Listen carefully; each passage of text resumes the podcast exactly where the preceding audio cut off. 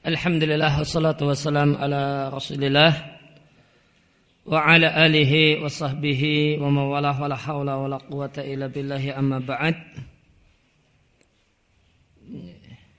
Kaum muslimin dan muslimah jemaah salat maghrib Masjid Al-Asr Pakung Rejo dan pendengar radio muslim. Ya, rahimani wa rahimakumullah kembali kita lanjutkan membaca aina nahnu min akhlaqis salaf kita masih di bab yang ketujuh salaf dan belajar agama. Ya dari Ibnu Uyainah. Ya, Amr ibn Al-As radhiallahu anhu mengatakan Laisal aqilu man ya'riful khaira minasyari Bukanlah orang yang berakal, bukanlah orang yang betul-betul pintar adalah orang yang sekedar mengetahui mana baik dan mana jelek. Ya. Namun hal yang menunjukkan kedalaman ilmu seseorang adalah walakin walladhi ya'rifu khaira syarraini. Manakah yang terbaik di antara dua hal yang jelek?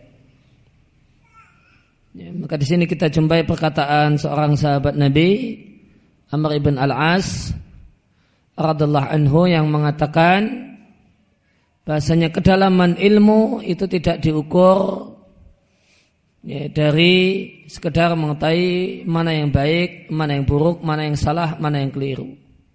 Karena hal tersebut diketahui bahkan oleh orang-orang yang pemula di jalan ilmu. Hmm. Adapun hal yang menunjukkan kedalaman ilmu adalah mengetahui manakah yang terbaik dari dua pilihan yang baik dan manakah yang paling ringan jeleknya di antara dua hal pilihan yang sama-sama jelek. Maka ke dalam ilmu itu diketahui dari eh, kemampuan untuk memilih sikap yang tepat ketika dihadapkan pada dua pilihan yang dua-duanya sama baiknya dan sikap yang tepat ketika dihadapkan pada pilihan tidak boleh tidak harus milih salah satunya tanpa ada kemungkinan yang ketiga dan dua-duanya jelek semua.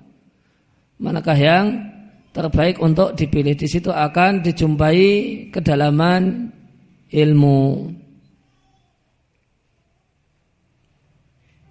Maka kemampuan untuk kemudian membuat dan menyusun skala prioritas yang diambil dengan menimbang maslahat dan mafsadah di situlah letak kedalaman ilmu seseorang. Dan di sini terdapat uh, faedah penting. Biasanya ungkapan ini kita kenal dari Syekhul Islam Ibn Taimiyah. Ternyata ada yang lebih dahulu daripada Ibn Taimiyah dalam ungkapan ini. Beliau mengatakan laisal akilu malam ya'rif al khair min syar walakin al akilu man ya'rif khaira khairain wa syarra syarrain. Itu kalau ungkapan Syekhul Islam Ibn Taimiyah. Namun orang yang betul-betul mendalam ilmunya adalah orang yang uh, mengetahui manakah yang paling baik di antara dua hal yang baik kemudian dia ambil yang paling baik dan manakah yang jelek dari ya, manakah yang paling jelek di antara dua hal yang paling jelek kemudian dia ambil ya, yang paling ringan kejelekannya ini, biasanya kita kenal sebagai perkataan Syekhul Islam Taimiyah di Majmu' Fatawa. Namun di sini di Aina Nahnu kita jumpai faedah penting ya, bahasanya asal dari perkataan Syekhul Islam Ibn Taimiyah adalah perkataan seorang sahabat Nabi Amr ibn Al-As radhiyallahu anhu.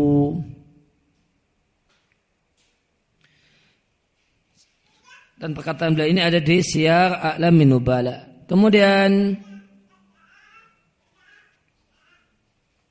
dari Ja'far bin Muhammad yang mengatakan, "Ya kumal khusumata fiddin." Janganlah kalian menjadi orang yang hobi memperdebatkan agama.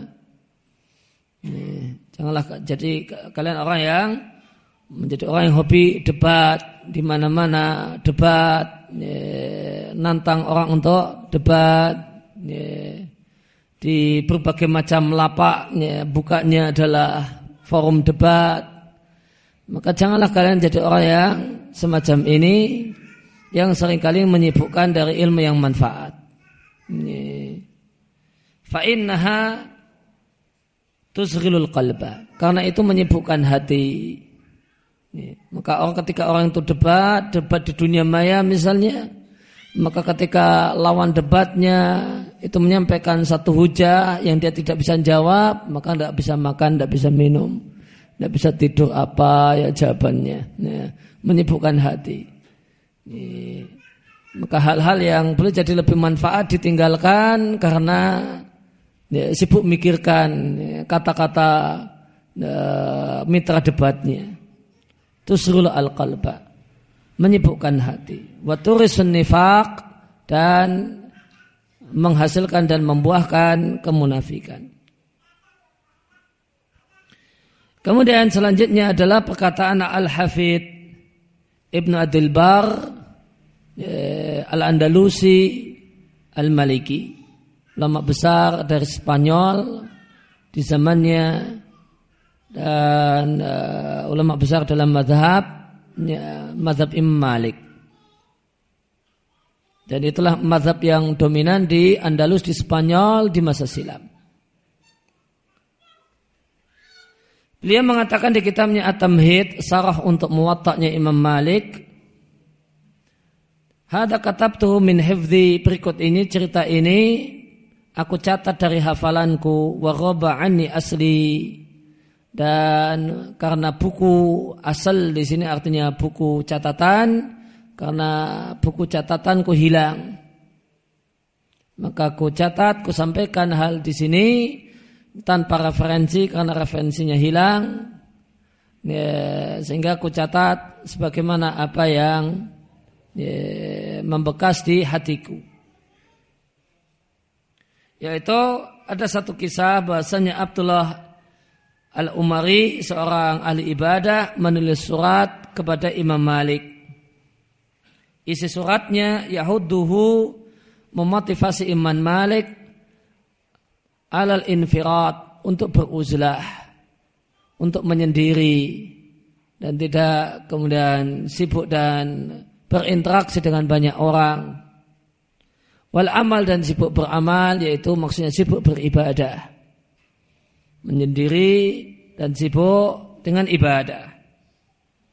Fakataba ilaihi Malik.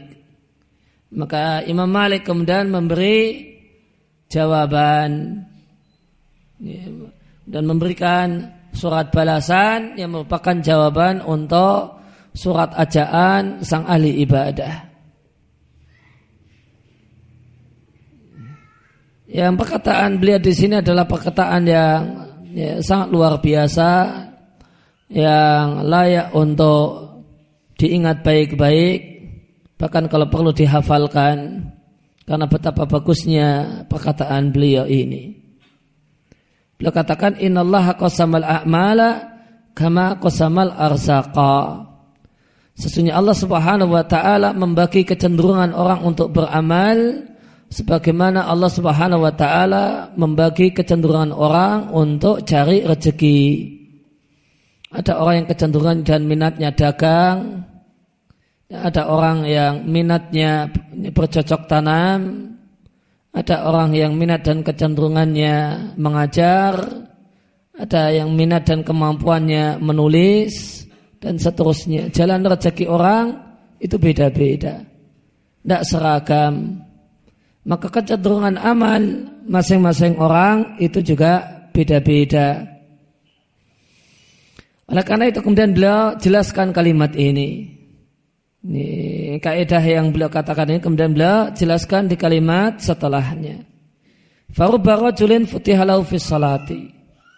Maka ada orang sejumlah orang Allah bukakan untuknya ini, bab salat. Ada sejumlah orang yang Allah mudahkan dirinya untuk sholat. Kalau sholat ringan, ya, ya, dia bisa kemudian menikmati sholat. Berlama-lama sholat itu ringan baginya. Memperbanyak rokaat dalam sholat itu satu hal yang mudah baginya. Walam yuftah lahu fisawum. non tidak dibukakan untuknya pintu puasa. Non puasa berat sekali. Puasa berat sekali. Ini, maka boleh jadi dia cuma puasa yang wajib saja. Ini, puasa yang sunnah boleh jadi iya namun jarang-jarang. Namun sholat sunnahnya, masya Allah. Ini, kita gedek-gedek dengan sholatnya. Namun tidak ada yang menakjubkan dari puasanya. Salatnya menakjubkan, puasanya tidak menakjubkan. Puasanya memprihatinkan. Namun salatnya menakjubkan. Wa akhar futih fi sadaqah. Orang lain lagi orang lain lagi ada yang Allah bukakan pintu, untuknya pintu sedekah. Dia orang kaya yang ringan sekali untuk berinfak. Nah, sehari berinfak bisa berkali-kali. Nah, tidak kemudian cukup sehari sekali atau seminggu sekali, dia tiap hari berkali-kali.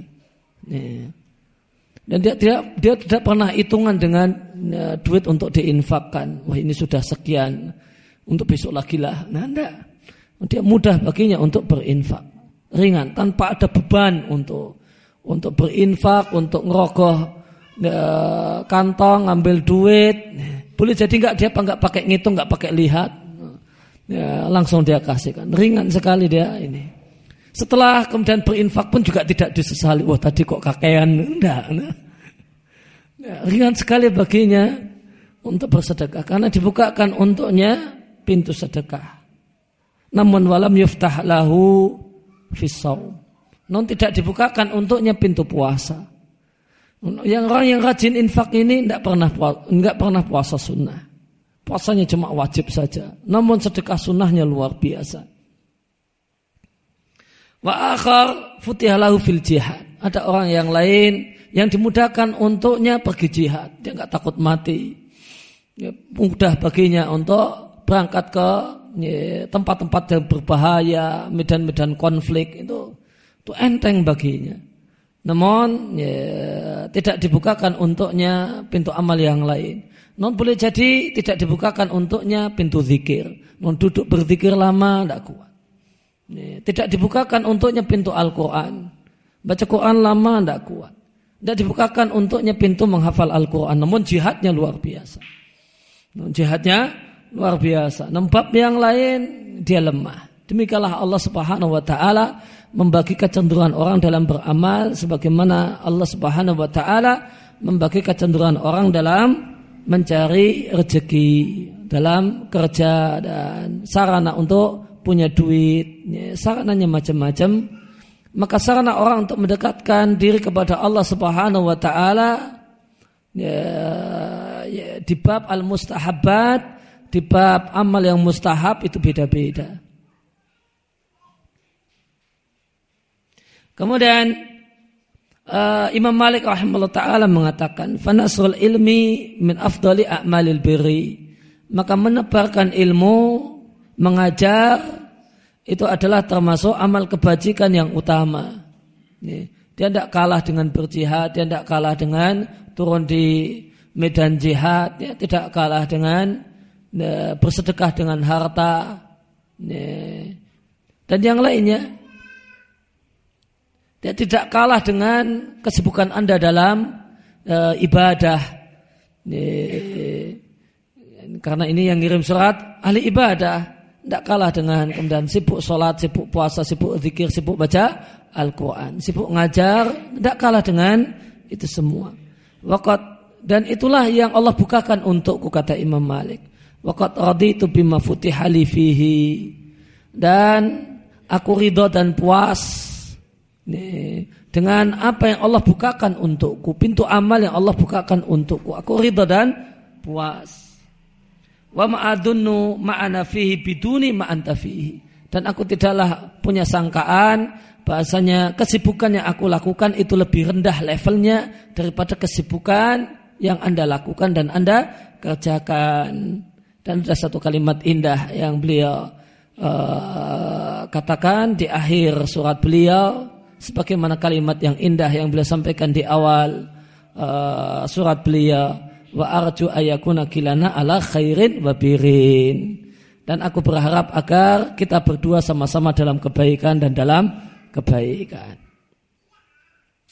Maka cara pandangnya adalah cara pandang positif. Ya, Anda yang memang kemudian dibukakan untuk semangat dalam sholat, puasa, baca Quran dan seterusnya itu kebaikan. Ya, dan saya yang kemudian dimudahkan untuk kuat bisa ngajar berjam-jam dan dan setiap hari dan semacam itu maka ini juga kebaikan. Maka kita semua dalam kebaikan. Kita semua dalam kebaikan. Maka sisi pandangnya sisi pandang positif terhadap sesama muslim yang punya kesibukan yang berbeda dan semuanya adalah amalul khair wa amalun saleh yang semuanya adalah amal kebajikan dan amal saleh. Ya, maka kalimat yang paling uh, yang menurut saya paling menarik adalah kalimat pembuka dan kalimat penutup ya, yang disampaikan oleh Imam Malik. Maka di kalimat pembuka beliau sampaikan bahasanya kecenderungan orang dalam masing-masing amal itu beda-beda bakat yang Allah berikan dalam ya, dalam dunia kesalehan itu beda-beda antara satu orang dengan orang yang lain. Sama-sama mereka berada dalam jalan istiqomah, jalan kebaikan, jalan taat. Namun kecenderungan orang uh, dalam jalan ketaatan, dalam jalan kebaikan ini beda-beda tidak seragam ya, tidak uh, tidak seragam, maka menjadi kewajiban masing-masing orang untuk melihat bakatnya di mana supaya dia menjadi manusia yang sukses. Sebagaimana kemudian kiat sukses dalam masalah dunia. Kiat sukses dalam masalah dunia, hendaklah orang itu melihat bakatnya di mana. Ya, bakatnya itu bidang apa. Kemudian maksimalkanlah diri di ya, di bidang tersebut. Maksimalkan diri, kemampuan, potensi di bidang tersebut. Maka Anda akan sukses. Maka lihat dulu bakatnya. Ya, nanti kemudian orang yang kemudian bertindak dengan tidak semacam ini, maka dia akan merepotkan dirinya dan banyak orang. Ya.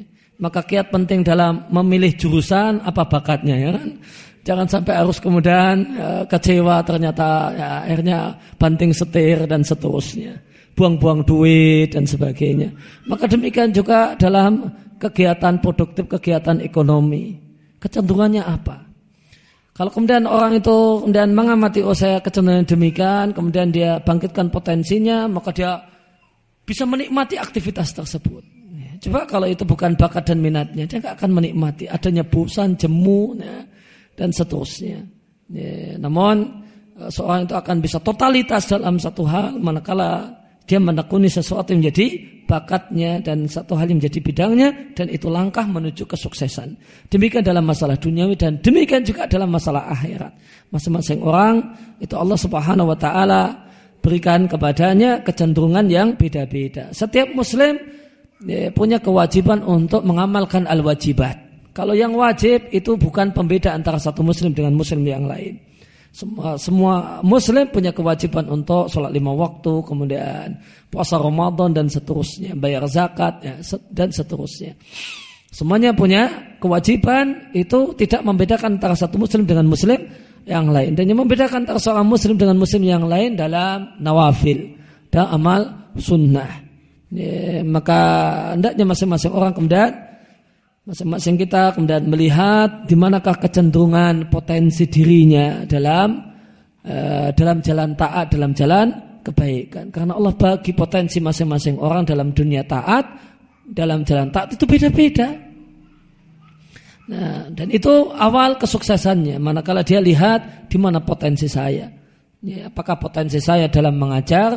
Apakah potensi saya Kemudian dalam menulis, apakah potensi saya mengajar dan menulis? Ya, apakah potensi saya ya, kemudian dalam kemudian beribadah, ibadah juga potensinya di mana?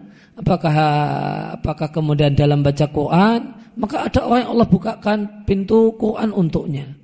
Ya, saya tahu ada orang yang ya, bisa kemudian seharian baca Al-Quran tanpa tanpa berhenti Seharian baca Al-Quran. Dan itu tidak, dia tidak bosan, yang itu bikin geleng-geleng yang lain. Nah, ini kok padahal dia baca Qurannya itu tidak bisa kecuali harus keras. Dan dia bisa seharian. Pagi, siang, sore, itu baca Quran terus. Entah berapa juz yang dia baca dalam sehari. Eh, maka ya, orang ini adalah orang yang Allah mudahkan baginya untuk baca Allah bukakan pintu baca Al-Quran. Orang semacam ini boleh jadi pintu puasa, tidak Allah bukakan untuknya. Lemes kalau dia, kalau dia puasa. Lemes kalau dia puasa. Tidak puasa, dia bisa masa Allah. Punya amal yang luar biasa. Dan kemudian dan dan pintu-pintu yang lainnya. Maka masing-masing orang tidaklah melihat di manakah potensinya masing-masing. Kemudian dia ya, totalitas untuk memberdayakan dan memaksimalkan, memaksimalkan potensinya tersebut. Oleh karena itu sahabat itu tidak seragam. Sahabat itu mereka menonjol di bab yang berbeda-beda. Karena masing-masing mereka melihat apa yang jadi potensinya kemudian mereka kembangkan. Maka ada sahabat yang ulama semacam Ibnu Mas'ud, semacam uh, semacam Ibnu Abbas, ada yang kemudian dia kemudian dari sisi kemudian pemahaman dia tidaklah kemudian selevel beliau-beliau namun di sisi hafalan luar biasa mengajarkan apa yang dia hafal luar biasa. Abu Hurairah misalnya. Dia tidak sekelas dengan Ibnu Mas'ud dalam masalah ilmu. Ya, dia ilmunya ilmu nyampaikan apa yang dia hafal. Itu ilmunya bukan ilmunya bab riwayat bukan bab diroyah. Ada kemudian babnya tidak di ilmu. Ya. Babnya tidak di ilmu. Tidak akan kita jumpai pendapat Khalid bin Walid di kitab tafsir dan sebagainya. Nah, kita jumpai hal tersebut karena potensinya berbeda. Ya, potensinya uh, berbeda. Beliau ya, bukan di situ potensinya. Ada di bab yang lainnya dan hal-hal yang uh, yang lain-lain. Ya maka ya, tidaklah kemudian kita ya, tidaklah kemudian ya, Bilal itu sebagaimana ya, Bilal itu sebagaimana Ibnu Mas'ud ataukah Ibnu Abbas misalnya. Ya. maka potensi maka sahabat mereka punya uh, sisi kelebihan yang beda antara satu dengan yang lain. Dan itulah sunatullah sebagaimana yang uh, sebagaimana dikatakan oleh Imam Malik rahimahullah taala. Innallaha qasama uh, al-a'mal ya, kama qasama al-arzaq. Semakin Allah Subhanahu wa taala itu membagi kecenderungan orang dalam beramal, potensi orang dalam beramal beda-beda sebagaimana potensi orang yang beda-beda.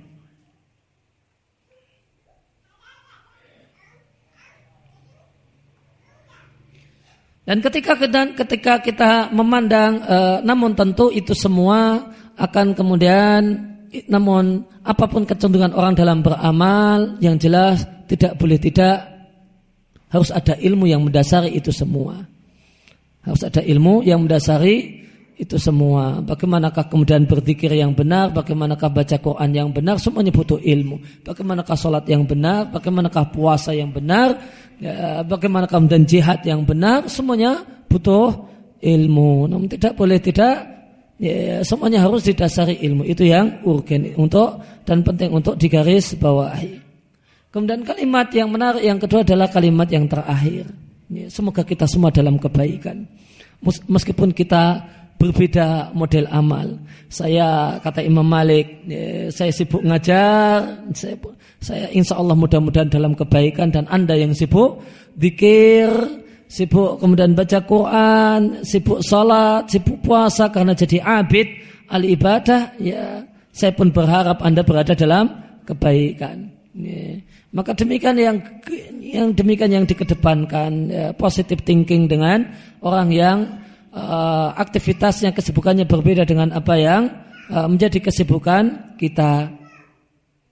Maka selama itu amal soleh, selama itu kebaikan, maka kita berharap itu masing-masing itu akan jadi jalan surga untuk bagi bagi masing-masing dari kita. Ada orang yang kemudian sibuk dengan ilmu mudah-mudahan sibuk dengan ilmu itu jalan surganya. Ada orang yang uh, sibuk kemudian berinfak maka mudah-mudahan itu adalah jalan surga untuk beliau. ada yang kemudian uh, sibuk dengan uh, maslahat kaum muslimin, sibuk dengan kaum muslimin yang menjadi korban bencana dan sebagainya, maka kita harapkan mudah-mudahan itu jadi jalan surga untuk beliau. Ada yang kemudian punya kesibukan yang lain yang merupakan amal kebajikan, kita uh, hendaknya berpositif thinking, kemudian berbaik sangka dan berharap semuanya adalah uh, jalan surga untuk masing-masing orang tersebut.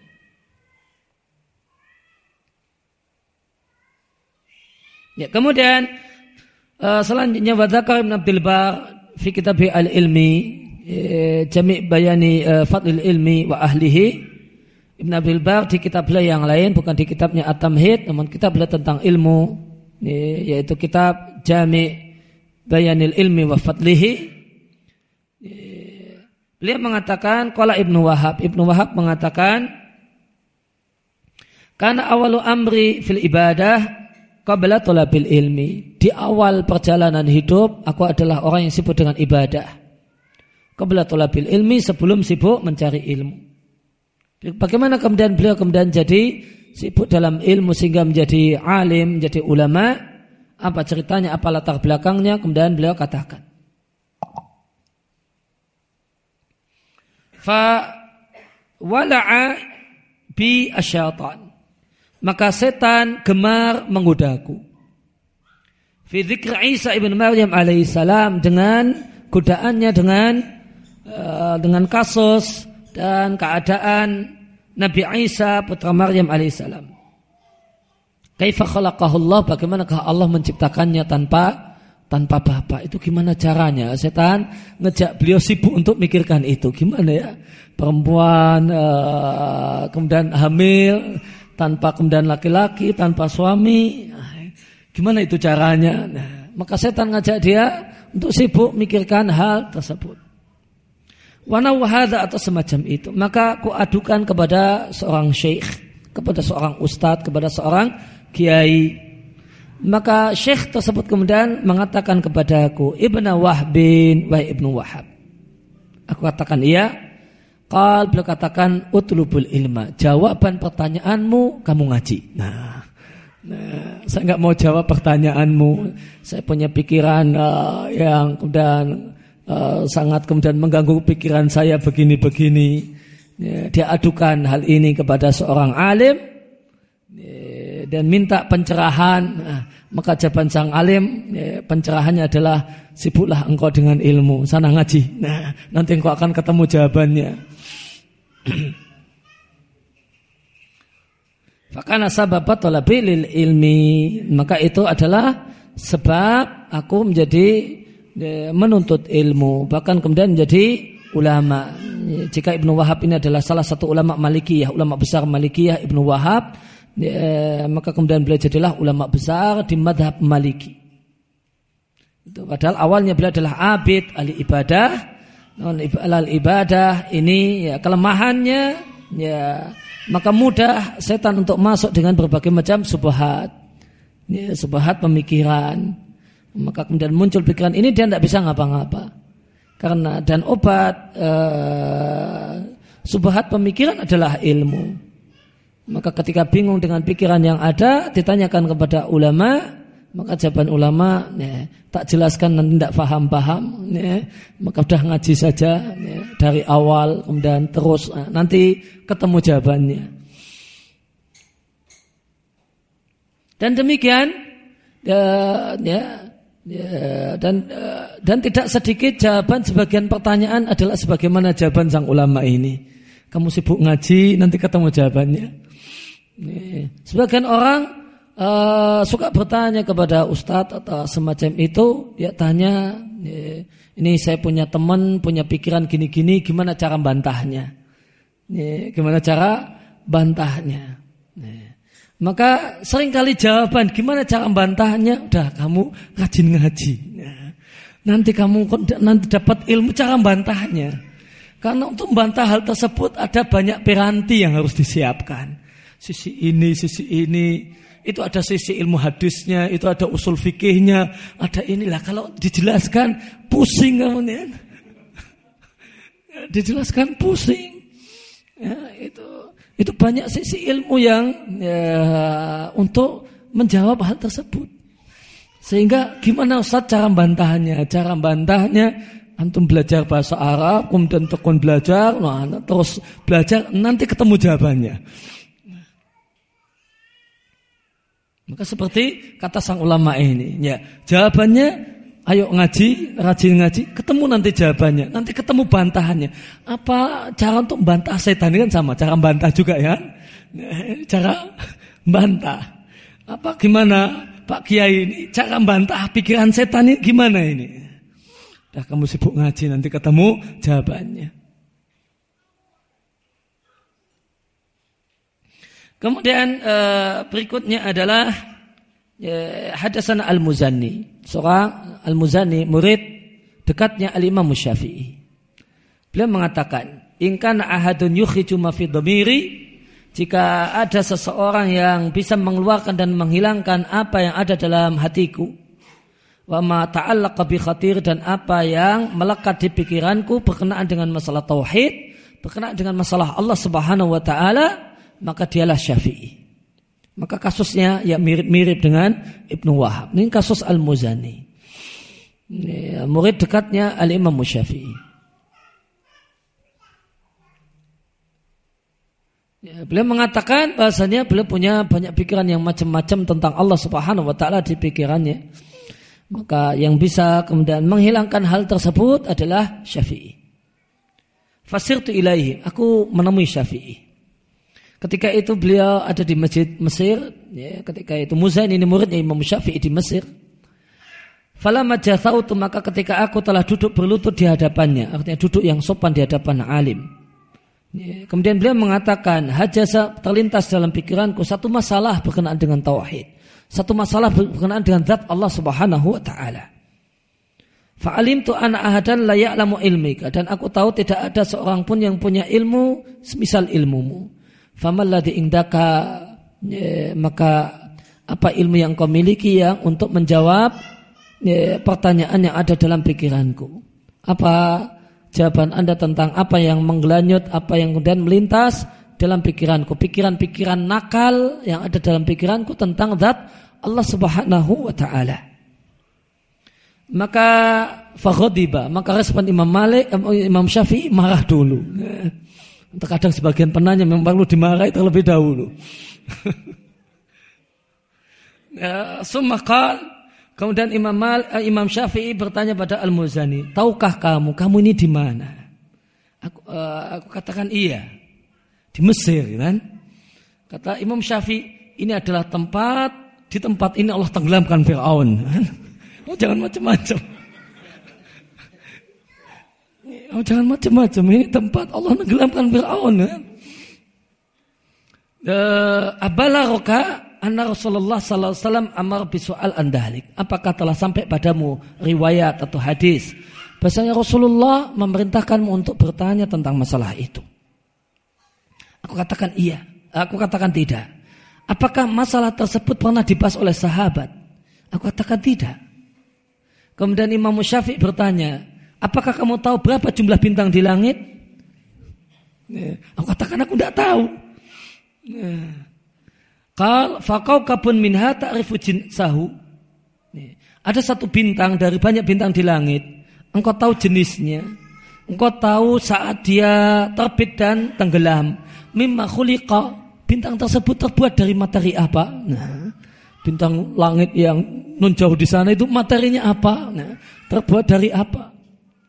Tahukah kamu ya, materi pembuat uh, materi untuk menciptakan salah satu bintang di langit?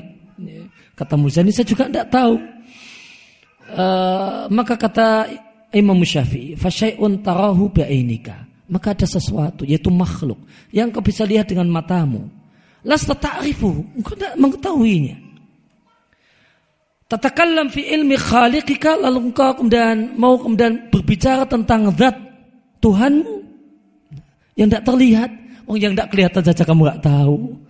Mau, mau mau mikirkan zat yang nggak kelihatan. Aneh, ya kan? Namanya aneh.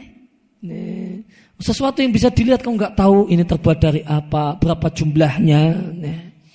Masa kemudian membahas zat Allah Subhanahu wa taala yang kau lihat pun tidak bisa. Kira-kira zat Allah itu terbuat dari apa? Nah, oh, bintang itu terbuat dari apa saja kamu nggak tahu? Oh, tanya kemudian Allah itu materi penyusunnya dari mana, dari apa? Nah. Kemudian Imam Syafi'i bertanya kepadaku tentang satu masalah berkaitan dengan wudhu dan aku menjawabnya keliru. Nah, sebutkan berapa pembatal wudhu. Nah, sebutkan angkanya berapa. Nah, nah, ternyata jawabannya keliru. Nah. Uh, atau kemudian satu masalah arbaati aujuhin. Kemudian satu masalah wudhu tersebut oleh Imam Syafi'i diderivatkan menjadi empat rincian. Ini, ada empat cabang. Falam usbi fi minhu. Maka aku pun tidak memberikan jawaban yang benar dari satupun hal tadi. Masalah pokoknya tidak tahu.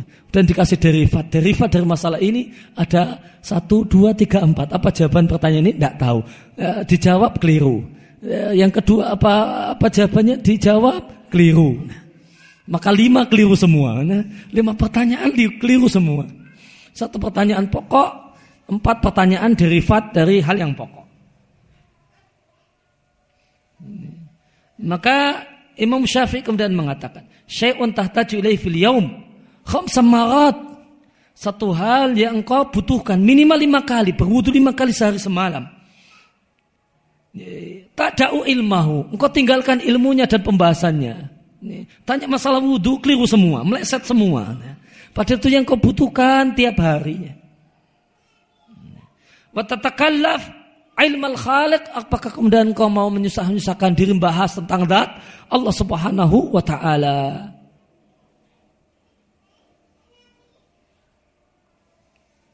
Idza jaza fi dhamirika. Maka jika terlintas dalam pikiranmu pertanyaan hal-hal tadi seputar zat Allah Subhanahu wa taala farji ila Allah maka kembalilah kepada Allah Subhanahu wa taala. Bertobatlah, istighfarlah.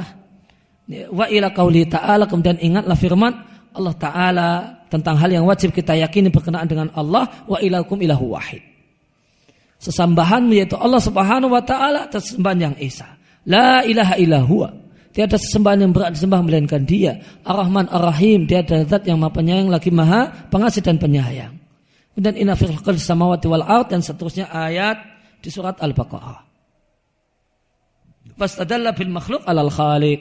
Maka makhluk itu jadi dalil tentang adanya sang pencipta dan tentang sifat-sifat sang pencipta. Wala tatakallaf ilma malam ya belurhu akluka. Janganlah engkau mempersulit diri, menyusahkan diri untuk mengetahui sesuatu yang akal enggak bakal nyandak sampai sana. Ya, akal enggak akan sampai ke sana. Bahas tentang dat Allah Subhanahu wa taala. Yang itu tidak ada dalilnya, tidak ya, ada dalilnya di Quran dan di Sunnah kemudian cuma dipikirkan gini-gini tentang Allah ya, itu kerjaan uh, metafisika ya. Uh, mikirkan Allah Subhanahu wa taala Allah itu gini-gini ya, enggak pakai dalil cuma pakai cuma sekedar mikir paling banter keterangan orang kafir nah Kal fatubtu lantas aku akhirnya bertobat, kemudian sibuk ngaji, kemudian jadi ulama besar ya, yang kemudian menjadi uh, ya, ulama besar pewaris ilmunya Al-Imam Syafi'i. Ya, sehingga siapa yang mau kemudian uh, belajar tentang fikirnya Syafi'i maka di antara buku penting adalah Mukhtasar Al-Muzani. Ya, Mukhtasar Muzani karya yaitu yang merupakan ringkasan Muzani untuk fikihnya Al-Imam Syafi'i rahimallahu jami demikian sallallahu ala nabiyina Muhammadin wa ala alihi wasallam wa da'ana alhamdulillahi rabbil alamin. Subhanaka allahumma wa bihamdika asyhadu an la ilaha illa anta astaghfiruka wa atubu ilaik